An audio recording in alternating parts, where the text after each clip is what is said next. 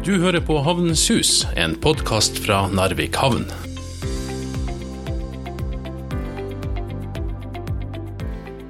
Denne episoden av Havnens hus skal handle om den maritime avdelinga i Narvik havn.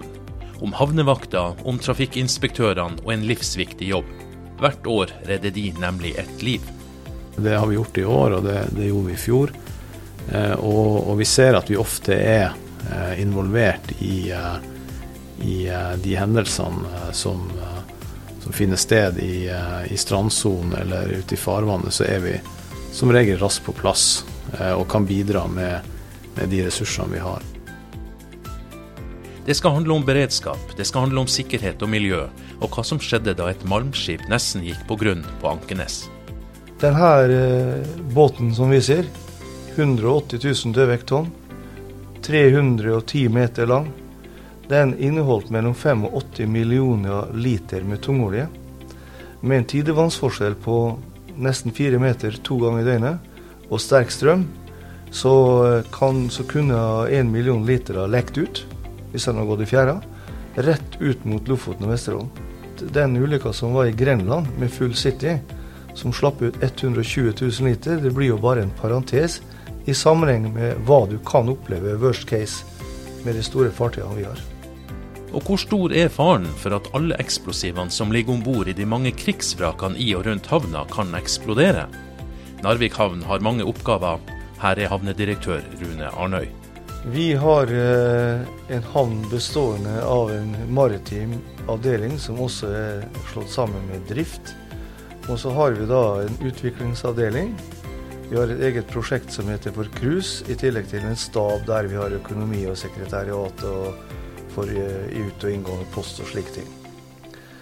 Den uh, biten som vi skal ha fokus på i dag, er ikke den forretningsmessige, men det er derimot hva vi er som myndighetsutøver for å sikre fartøysbevegelser, beredskap, sikkerhet og miljø, som vi kaller det, i, i Narvik kommune sitt sjøområde. Den oppgaven vi har på vegne av vår eier.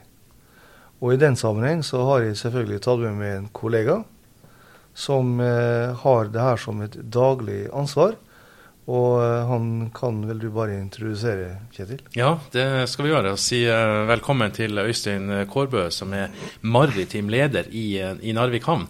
Og er det ikke det maritime det egentlig handler om når man snakker om, om havn? og nå er det blitt mer vanlig å snakke om de forretningsmessige forholdene og mange andre ting, men, men det er nå havn det først og fremst dreier seg om, og da er det det som foregår eh, på sjøen. Ja, altså Jeg liker jo å, å, eh, å, fokusere på å snakke om, om, det maritime. og Det er jo en, helt klart en kjerneoppgave for, uh, for oss. Uh, og ikke minst knytta til utøvelse av myndighet, som vi har i medhold av havn- og farvannsloven. Så er det mye du kan Det er for så vidt mye man kan Eh, gjøre eller ikke gjøre i havn, men, men helt sentralt er utøvelsen av eh, havnemyndighet. Kan du si litt om akkurat det med, med havnemyndighet? Altså dere, dere har, det er jo flere roller innenfor eh, havnemyndigheten også, da? Ja, og så, det, så, er det jo sånn at her, i, i, her hos oss da, så, så, så er vi jo prega av en veldig stor og tung eh, trafikk. Eh, som også påvirker de oppgavene vi har. Og vi er jo veldig opptatt av de skipene som kommer inn og som ankrer opp i påvente av eh, ledig lastekai.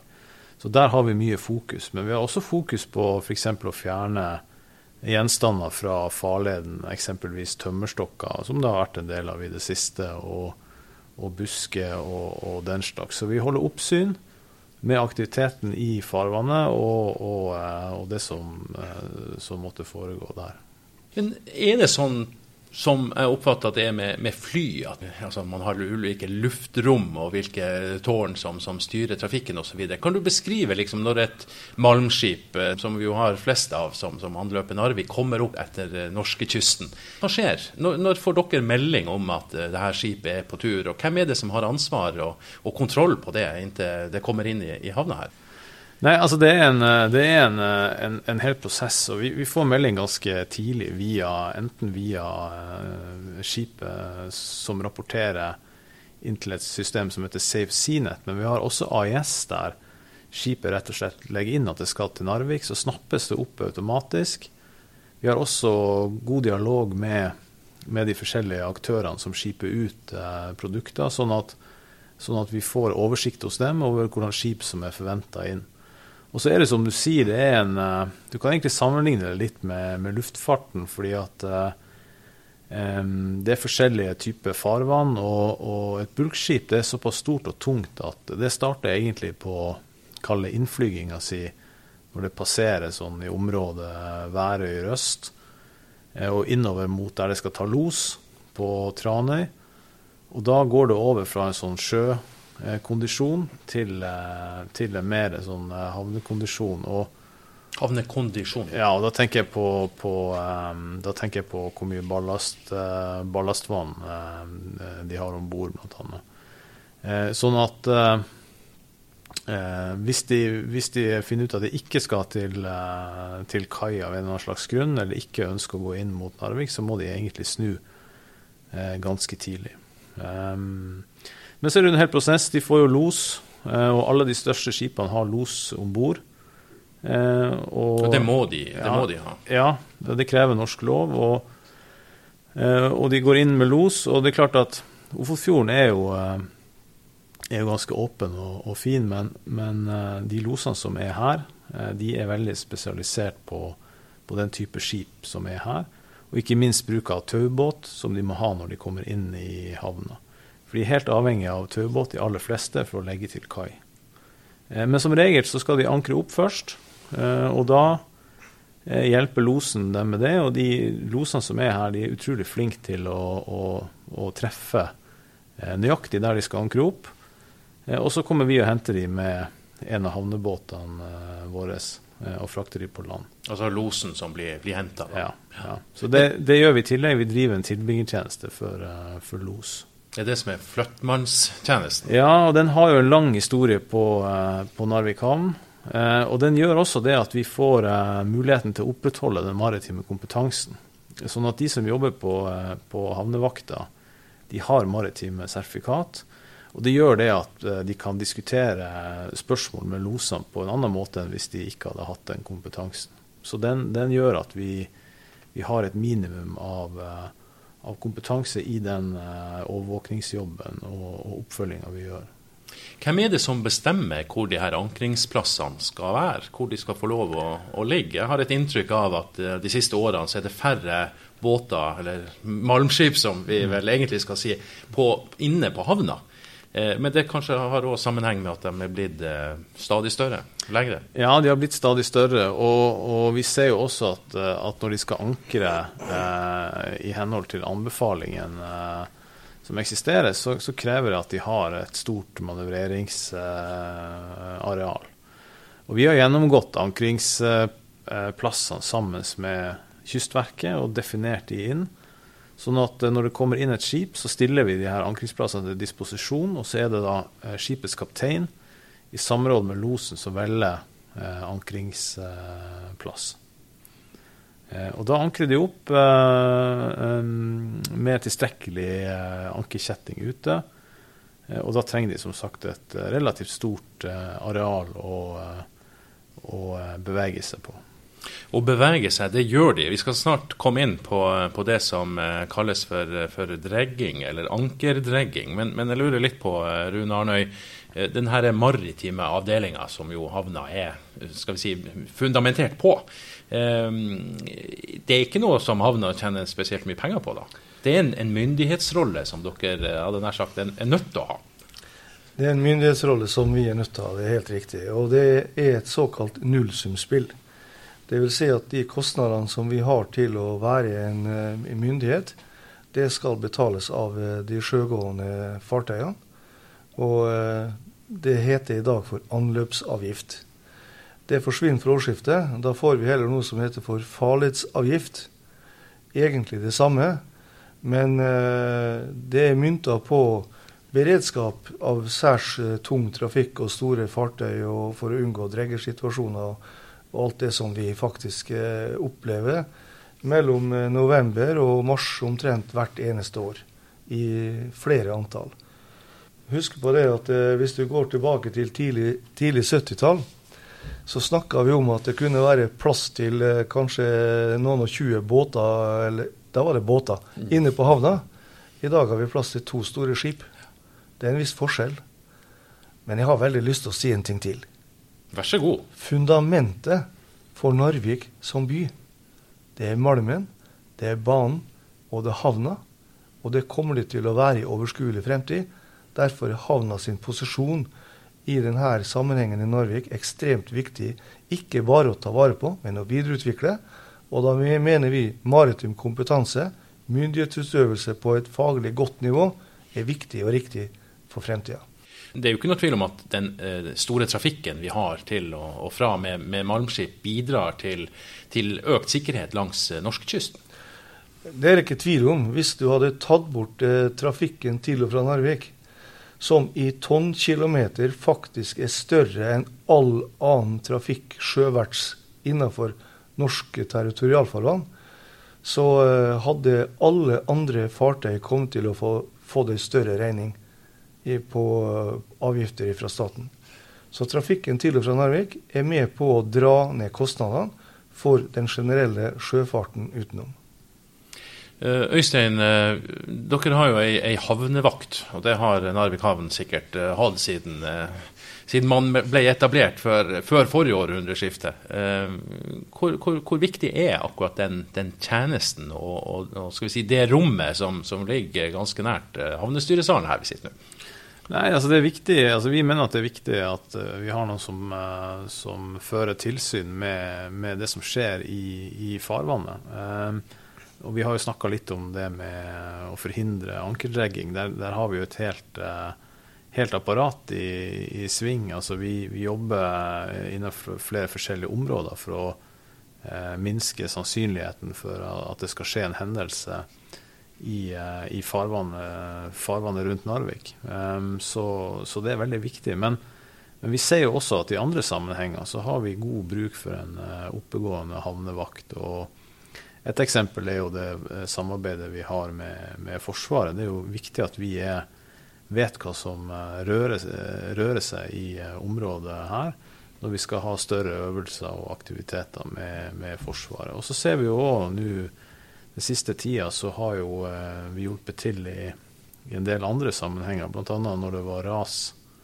eh, på Beisfjordveien, så eh, hjalp vi til med å frakte inn eh, hjemmehjelp, medisiner, inn til, til Beisfjorden.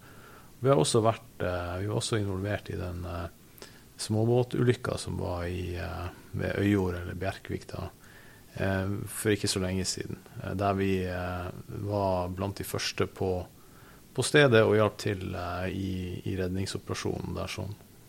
To episoder eller hendelser som, som du snakker om, som, hvor man kan egentlig si at, at havnevakta er, også er med på å, å redde liv? Ja, jeg vil faktisk si det sånn. altså Når vi ser, ser de siste årene under ett, så vil jeg si at vi, vi redder nok i snitt et menneskeliv i året. Eh, det har vi gjort i år, og det, det gjorde vi i fjor. Eh, og, og, vi ser at vi ofte er eh, involvert i, i de hendelsene som, som, finner sted i, i strandsonen eller ute i farvannet, så er vi som regel raskt på plass og kan bidra med, med de ressursene vi har. Jeg har lyst til å gå inn og, og hilse på en av trafikkinspektørene som, som, er på jobb. De er like i nærheten. Vi, skal vi gå en tur inn på havnevakta? Ja, vi tar en tur inn på havnevakta. Da er vi eh, inne på, eh, på havnemakta, og er det mulig å forstyrre litt? Ja, så klart. Bare kom inn, du. Du, eh, Trafikkinspektør Fredrik Holtet Lien. Hva er det vi ser her? Du har, du har masse skjermer, det er mye å følge med på? Vi driver og følger med skipstrafikken som går inn og ut av Narvik. Det er vår hovedoppgave egentlig her. Men det er ikke bare skipstrafikken du ser. Her har du òg skjermer med bl.a. Flere av kaiene på. Ja, vi, vi, følger med på de fleste kaiområdene som vi sjøl eier. Men særskilt så følger vi med på de som er ISBS-godkjent, som Skarveneskaia, Fagerneskaia og Pir 1 sin renovering. For der har vi et særskilt ansvar når det kommer til sikkerheten til de kaiene. Du, på, en, på en svær eh, skjerm som uh, henger her borte på, på veggen, så, uh, så, er det et elektronisk kart over Narvik havn. Vi ser en masse sirkler. Kan ikke du forklare litt hva det er? Jeg går ut fra at det det er ankringsplassene til de skipene som, som, kommer inn og skal ligge til ankers her. Ja, det her er et kart og radar som vi driver og følger med ankerliggerne som ligger i de her kommunale ankringsplassene. Der ligger vi og følger med at de ligger der de burde ligge. Vi setter opp en VRM, som det heter, altså en sirkel der vi gir den sirkelen visse regler. Og regler, det vil si at hvis en av de fartøyene som ligger inni den sirkelen får ut, så går alarmen hos oss. Og da får vi en beskjed. Men eh, det er jo også noe som vi ligger og følger med på. Meldes det dårlig vær, så sitter vi her kontinuerlig og følger med alle ankerliggere som ligger innenfor vårt område. Og Det er noe som, som eh, de om bord får beskjed om på forhånd, at akkurat der skal dere ligge. Dere eh, må ikke bevege dere utenfor det og det området. Ja, Det er jo i godt samarbeid med losen om bord og, og skipsfører sjøl. Eh, vi sette, se på værvarselet, vi ser på de ankringsplassene som kan bli utsatt til i forbindelse med vind. Men hvis det ikke er noe dårlig værvarsel, så blir det litt opp til los og skipsføreren om bord hvor de ønsker sjøl å legge seg. Du, I dag det ligger eh, en eh, ja, Er det en små, småbåt, hadde jeg sagt, sånn midt ute på havna her? Ja, det der er vel en av de, de småbåtene vi har, som er en Handymax-størrelse. Så på uh, mellom 30 og 40 000 tonn han er på. Så det er en av de, de, små vi har. Ja, Men det er jo en viss størrelse på det nå, da? Ja da, sett i, ja, i Norges sammenheng, men kanskje i Narvik-sammenheng så blir han liten. Men så ligger det en, større en i, i Kai 5 borte hos LKB og, og laster. Er det her eh, ja, en relativt sånn gjennomsnittlig eh, dag? Ja, det her er en helt normal dag. Vi har to ankerliggere og en i kaia. Egentlig en, en rolig dag, vil jeg si. Mm. Men, men, eh, så skjer det jo av og til at det er enten er driftsstans hos LKB, eller at det er et eller annet som gjør at, at det ligger skip og venter på, på last. Og da har du plass til, til flere? Ja da, vi har, eh, vi har, eh, to plasser på Indre havn, og så har vi eh, to plasser til på Framnes nord og sør, som vi kaller dem. Og så har Kystverket i farleden mot Herjangen tre plasser. Så har vi en på, på Virak også i tillegg, så vi har plasser. Du, hvor mye kontakt har dere med skipene, med mannskapene om bord? Dere har jo òg en, en, en, sånn flyttmannstjeneste som man fra gammelt av har, har kalt det. Og, og, og, dere kan gå ut og, og, hente mannskap som ønsker å gå, gå, i land? Ja, vi har et tilbud til de mannskapene om bord. Mange av de er jo om bord i, i, flere måneder av strekken. og der, der, har vi et tilbud så at de skal kunne komme seg på land og dra på Siemens Club, som de kaller det, eller i Sjømannskirka. Eh, de kan gå og handle seg noe. Det er rett og slett et lite velferdstilbud til mannskapet om bord, at de skal kunne komme seg i land. Og det blir benytta? Det blir benytta. Det er et veldig populært tilbud som vi har fått veldig god tilbakemelding på. Ja, for Det er kanskje ikke så vanlig heller at uh, alle de anløpsstedene de har, uh, ligger mer eller mindre midt i en by? Nei, det er ganske unikt at, sånn her, uh, at de har, ligger midt inne i byen egentlig til ankers. Normalt sett så kan de ligge langt ut på Reden og langt unna nærmeste by. Så det her er et veldig bra tilbud som de setter pris på. Og så gjør dere jo mer enn bare skal vi si, den, den flyttmannstjenesten for, for mannskapet om bord?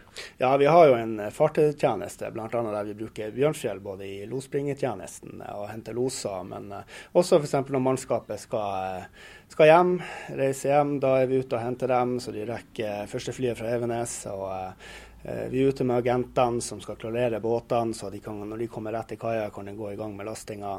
Så i tillegg så har vi jo den lille pluggen vår, som er en eh, eh, der vi har en avtale nå med Ofoten brann, der vi har en overflateberedskap. Der vi står som førere av båten, og så supplerer Ofoten brann med oss med deres gode kunnskaper med livreddende førstehjelp og den overflatesvømmerbiten. Ja, så, så, hvis det er noe si, dramatiske ting som, som skjer, som det jo faktisk gjør relativt uh, ofte i, i havnedistriktet, så, så, er dere uh, raskt på plass? Da er vi klare. og Der har uh, alle mannskapene på Ofoten brann også fått opplæring i, i, det å kjøre pluggen. Så la oss si at hvis vi er ute på et annet oppdrag, så skal også Ofoten brann kunne være mulig å kunne ta ut den båten og, og, og gjøre den tjenesten. Vi har jo snakka om eh, alt det du sitter og, og følger med på her. Eh, og, og, Dere har radarovervåkning, dere har skjermer, dere ser visuelt. Er det bedre å være her enn i den gamle havnevakta? Dere har jo nettopp flytta og kommet litt høyere opp.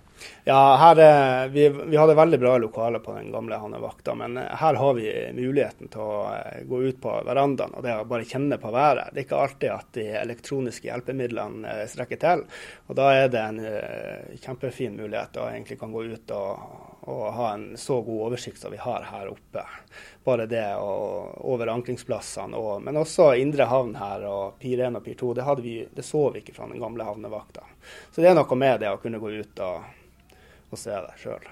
Er det folk her 24 eh, timer i døgnet? På hverdagene så er havnevakta bemanna fra seks eh, om morgenen til klokka 24. I tillegg så har de hjemmevakt, og det vil si eh,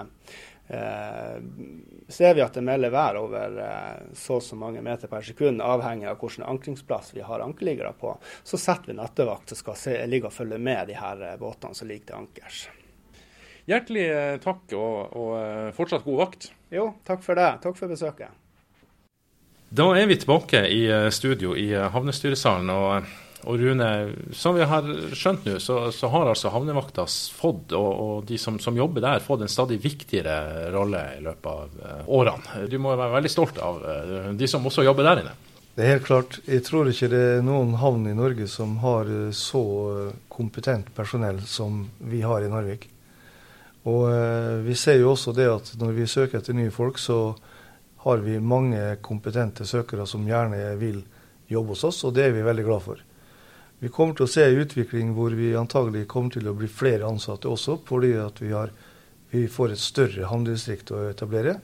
Og selv om vi har moderne hjelpemidler som eh, kamera og alle mulige sånne ting, så kreves det fra tid til annen også tilstedeværelse fysisk. Så eh, kompetanse og kapasitet vil være viktig for oss også i fremtida. Vi blir jo en større kommune eh, når, eh, når tre kommuner blir til én fra, fra årsskiftet 2020. Du snakka om det. altså Havnedistriktet blir større. Man får flere oppgaver å, å håndtere. Vi får, vi får, flere oppgaver. Vi får flere havneavsnitt, kan vi si. Både med og uten kaier, som vi kan bruke egentlig eh, Så vi får atskillig større områder å ta hånd om i, det, i, i vår primærvirksomhet. Men vi er jo ikke ukjent heller i de her områdene. Vi har hatt samarbeid med kommuner rundt om i Ofotfjorden innenfor akutt forurensningsområde, så vi er rimelig godt kjent. Men da har kommunene sjøl hatt primæransvaret. Nå får vi primæransvaret for Ballangen og halve Tysfjord i tillegg til Narvik. Hvordan ser du på den eh, oppgaven, Øystein? Nei, det ser vi eh, positivt på. Vi holder nå på å, å kartlegge uh, og, og, jobbe med hva vi konkret skal, uh, skal overta, og, og, hva vi konkret hvordan vi konkret skal organisere den nye virksomheten i de nye områdene. Og så er det jo sånn at uh, faktisk i, i, like før uh, vi uh, trykte record på, på, opptakeren her i havnestyresalen, så kom det en pressemelding fra Hurtigruteselskapet som, som forteller at de kommer til å, å anløpe Narvik på sine turer i, i 2021. Så det betyr òg økt trafikk i tillegg til den, den, ordinære trafikken man har i dag. Og, og dere bygger cruisekai, som vi har vært inne på eh, flere ganger, hvor det også kommer eh, stadig flere, flere, skip. Så, så eh, deres folk har mye, mye å henge fingrene i i årene som kommer òg. Ja, og det vi også, det vi også vil se en økning innenfor, er jo at det vil bli mer etterspørsel etter havnetjenester. Og der er jo en, eh, spiller jo havnevakta en viktig rolle. Hvilke tjenester tenker du på? Nei, da, da, tenker jeg på fortøyning, på, eh, på avfallshåndtering, på, eh, på, strøm og på vann.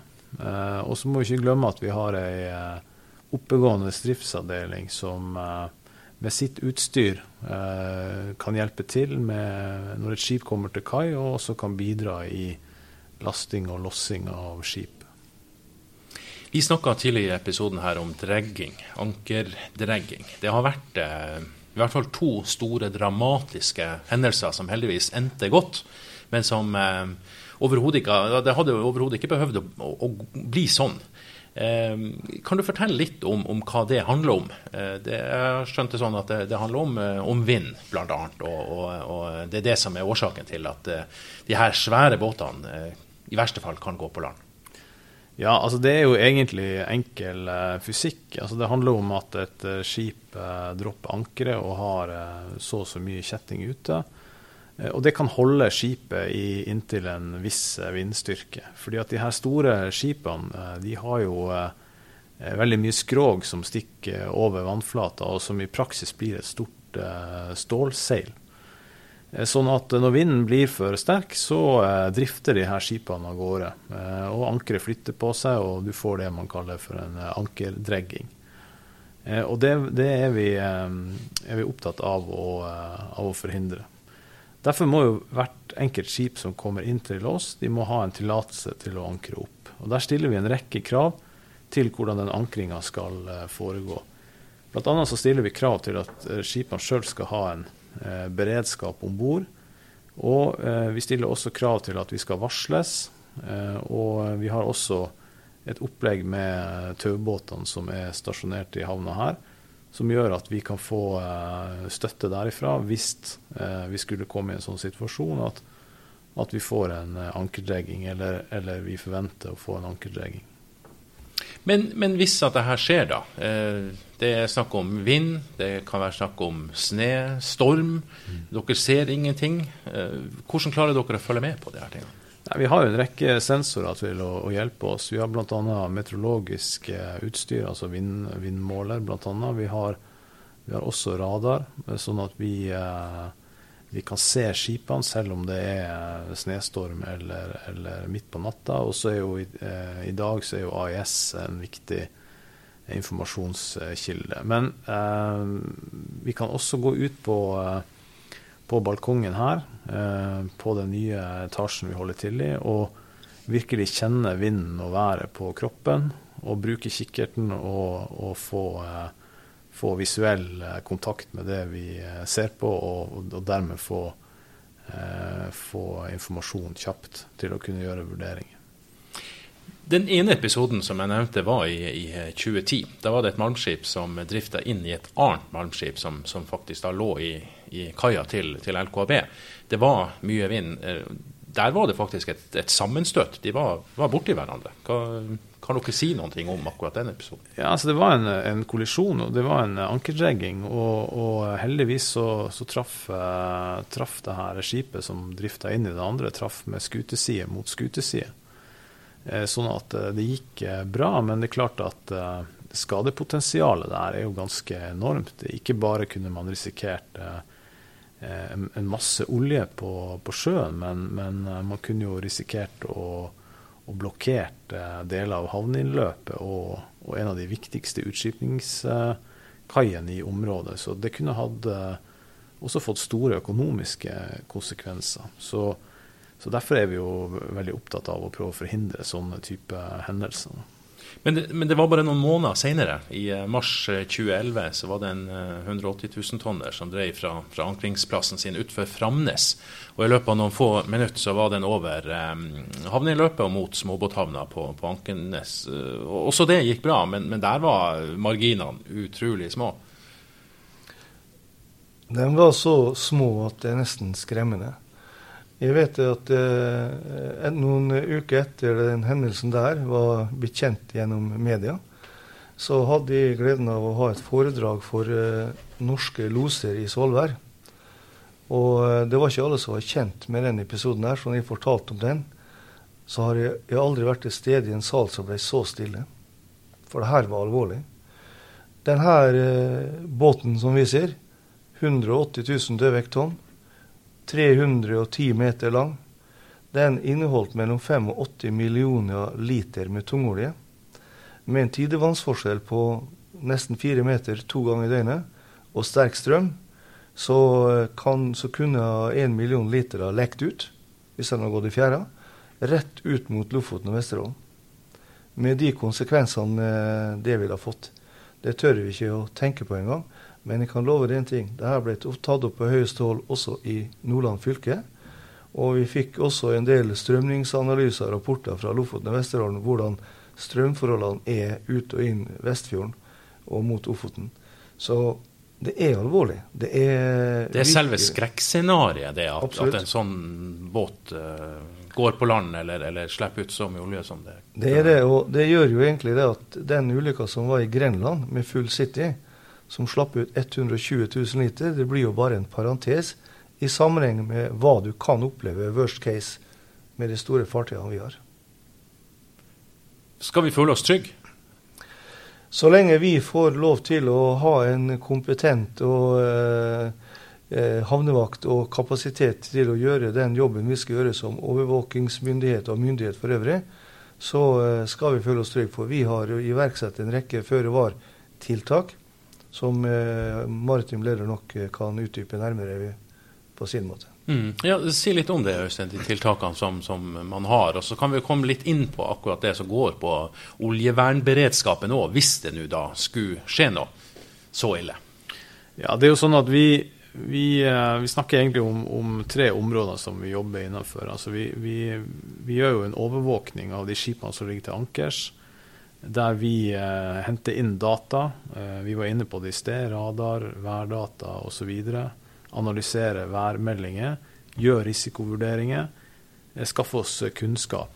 Så har vi sammen med Kystverket fått eh, utarbeida et godt lokalt regelverk.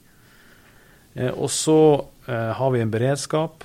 Og ikke bare har vi en beredskap, men gjennom, gjennom den tillatelsen vi gir til de her skipene, så stiller vi også krav om at skipet sjøl skal ha en beredskap. Eksempelvis hvis det er meldt vind mer enn så og så mye, gjerne da frisk pris, så må skipet eh, ha et forsterka vakthold om bord. Eh, de skjerper sin årvåkenhet, og de må vurdere en, en rekke tiltak eh, som gjør at vi eh, mener at sannsynligheten for at en eh, hendelse skal inntreffe, er betydelig redusert. Så er det jo sånn, som du sier også, så er vi jo involvert i oljevernarbeidet som potensielt vil redusere konsekvensen av en hendelse. Og der er vi Der er det sånn at vi er, er sekretariatet i en organisasjon som heter Ofoten IUA. Ofoten interkommunale utvalg mot akutt forurensning. Og vi har en beredskap utover det som kommunene sjøl skal ha, for å ivareta hendelser. Um, vi, vi, er på nivået under uh, staten, men hvis du får en stor hendelse, så vil vi samarbeide med staten og få oppgaver hos, hos staten som vi må løse. Og det går på, på å redusere omfang og samle opp olje hvis en hendelse skulle inntreffe. Noen drar ut med, med lenseutstyr og alle mulige sånne ting og, og, og, og prøver å samle opp? Ja, man drar ut med, med lense eh, i, i sjøområdene. Um, og man er også til stede i strandsonen og organiserer det arbeidet der, som rett og slett er eh, opprydding. Um, og det kan være uh, veldig manuelt arbeid med, med kost og, og bøtte og, og, spade for å få opp eh, olje som befinner seg i strandsonen.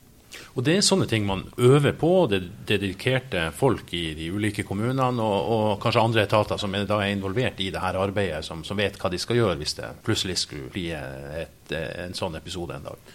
Ja, altså det, det, er sånn at vi altså Man kan se på det nesten som et eget fagområde. Det, det finnes uh, en rekke kurstilbud som vi har benytta oss av for å øke kompetansen både på på maritime operasjoner knytta til å sette ut lenser, men også mer opprydding i strandsonen. Det går jo på det faglige, men det går også på, på det ledelsesmessige. Eh, og vi har en viss beredskap som kan skaleres opp eh, hvis det, det, skulle inntreffe en, eh, en hendelse. Eh, så er det sånn at vi i havna er nok nøkkelressurser eh, innenfor det maritime. Og så har vi jo et godt samarbeid med Ofoten Brann som, eh, som med sine mannskap eh, også vil være med og gjøre en eh, innsats. Rett utfor vinduene her i havnestyresalen så gikk akkurat en dykkerbåt forbi. Det er vel en av de båtene som har lagt her i, i mange år, og som tar med turister ut på havna her og, og er nede og dykker på vrak. For det er jo òg et forhold som er spesielt med Narvik. Det ligger utrolig mange krigsvrak ute på havna og rundt havna. Mange av de inneholder òg olje. Eh, og det vet jeg jo at havna har jobba med i mange, mange år. Eh, og er redd for at det faktisk skal komme utslipp derfra. Hva er, hva er status der? De har vært undersøkt eh, flere ganger, og det er skrevet tjukke rapporter om det. Men, men er de tømt for olje? Det tror vi ikke. Men da bygger vi på anslag som Kystverket har gjort. Og ifølge anslag fra Kystverket så inneholder alle de vrakene som vi har i vårt eget sjøområde her i Narvik, ca. 2,5 million liter. Kan du si det en gang til? 2,5 million liter med olje. Vi har jo drypp, ser vi fra enkelte fra tid til annen. Det har blitt sjeldnere, men det er ikke det samme som at det er fritt. Eh, det tar litt lengre tid før stålet på en del av de her gamle fartøyene korroderer såpass at eh, oljen trenger gjennom. Så vi tror nok det at eh, vi må være oppmerksom på at det kan komme en del guff opp fra titan. Og det er også en del av årsaken til at vi øver så vidt eh, hyppig som vi egentlig gjør. Ja, for det ligger utrolig tett med, med vrak eh, i havna og, og rundt havna her.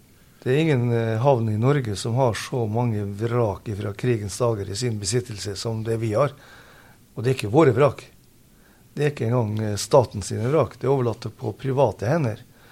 Og da er det ikke bare for oss heller å ta affære i forhold til dette her. Vi har forsøkt gjentatte ganger å få norske myndigheter med Miljødepartementet og like til til å ta ansvar sammen med oss for å få rydda i dette her. Men det er en avgjørelse som sitter veldig langt inne, dessverre. Og på flere av de her vrakene så er det dykking som, som foregår? Ja, det foregår jevnlig dykking, og vi er i utgangspunktet positive til eh, det. Men vi er opptatt av at det skal skje på en uh, skikkelig måte. Ja, det er jo ikke noe sånn at vi er, er dykkerpoliti, men uh, vi har uh, styringa med, med, dykking når det er sånn at sikkerhet og fremkommelighet kan påvirkes. for vi kan ikke ha dykking samtidig som vi har de her store skipene som passerer i nærheten. Det er jo sikkerhetsforhold. Så er det jo sånn at det er en rekke andre utfordringer knytta til, til, dykking. Men så lenge det foregår på en, en, skikkelig måte, så er vi positive til det. Men at man må ha et årvåkent øye til den potensielle risikoen for utslipp, Rune, det, det må man ha i, i mange år enda. Ja, det må vi nok ha i mange år. Vi, vi, må ha det i så mange år at vi er sikre på at det ikke er noe olje igjen i de gamle fartøyene. Og nå har de jo ligget der i, siden 1940, som du sa. Det begynner å bli noen år. Men eh, de registreringene når vi hadde undersøkelser på dem, er at skrogene har holdt seg utrolig godt. Og eh, da kan det enda ta noen tid før at eh, det har tæra gjennom og begynne å slippe i større omfang. Men at det vil komme en vakker dag, det er vi ganske sikre på. Men det er jo ikke bare olje som er i de her eh, vrakene, Øystein. Og, og når man har drevet med, med, perling i forbindelse med den nye cruisekaia, så har det vært dykkerforbud. Det handler også om at det kunne være en fare for at noen eksplosiver som ligger på havets bunn, eller i de her vrakene, kunne faktisk gå av. Er det, er det forbundet med stor risiko og fare for at også det kan skje? Sannsynligheten er veldig veldig liten for at du, man skulle få en, en hendelse knytta til eh, perling og, og ammunisjon, men den kan ikke utelukkes. Eh, og når den ikke kan utelukkes, så er det riktig av oss å innskjerpe dykkerforbudet som er på, eh, på Indre havn. Fordi at konsekvensen av eh, av sprengstoff eller ammunisjon som går av, den vil være veldig stor for en dykker i, i vannet. Eh, så Derfor har vi gjort det som et føre-var-tiltak. Vi skal begynne å avslutte denne episoden av Havnens hus, fra Havnens hus. Men Rune Arnøye, havna har mange kaier rundt omkring. Og det er ikke bare de her store kaiene som, som Fagerneskaia og, og, de kaiene som ligger her inne i Vedhavnens hus. Eh, skal dere beholde de? Det er kaier rundt omkring i, i hele regionen, hadde jeg nær sagt. Mange gamle kaier rundt i hele regionen. Det koster penger? Det koster penger. Og uh, Det har også vært slik at uh, inntjeninga i Narvik havn har over tid vært så svak at vi har for dårlig vedlikehold på de kaiene. Så noen kaier er det rimelig å tro blir uh, fasa ut etter hvert. For vi må se nøye gjennom hvilke behov vi har i forhold til den forventa trafikkvekst som vi ser kan komme, eller som allerede er der. Du har hørt på Havnens Hus, en podkast fra Narvik havn, produsert av Mo Media.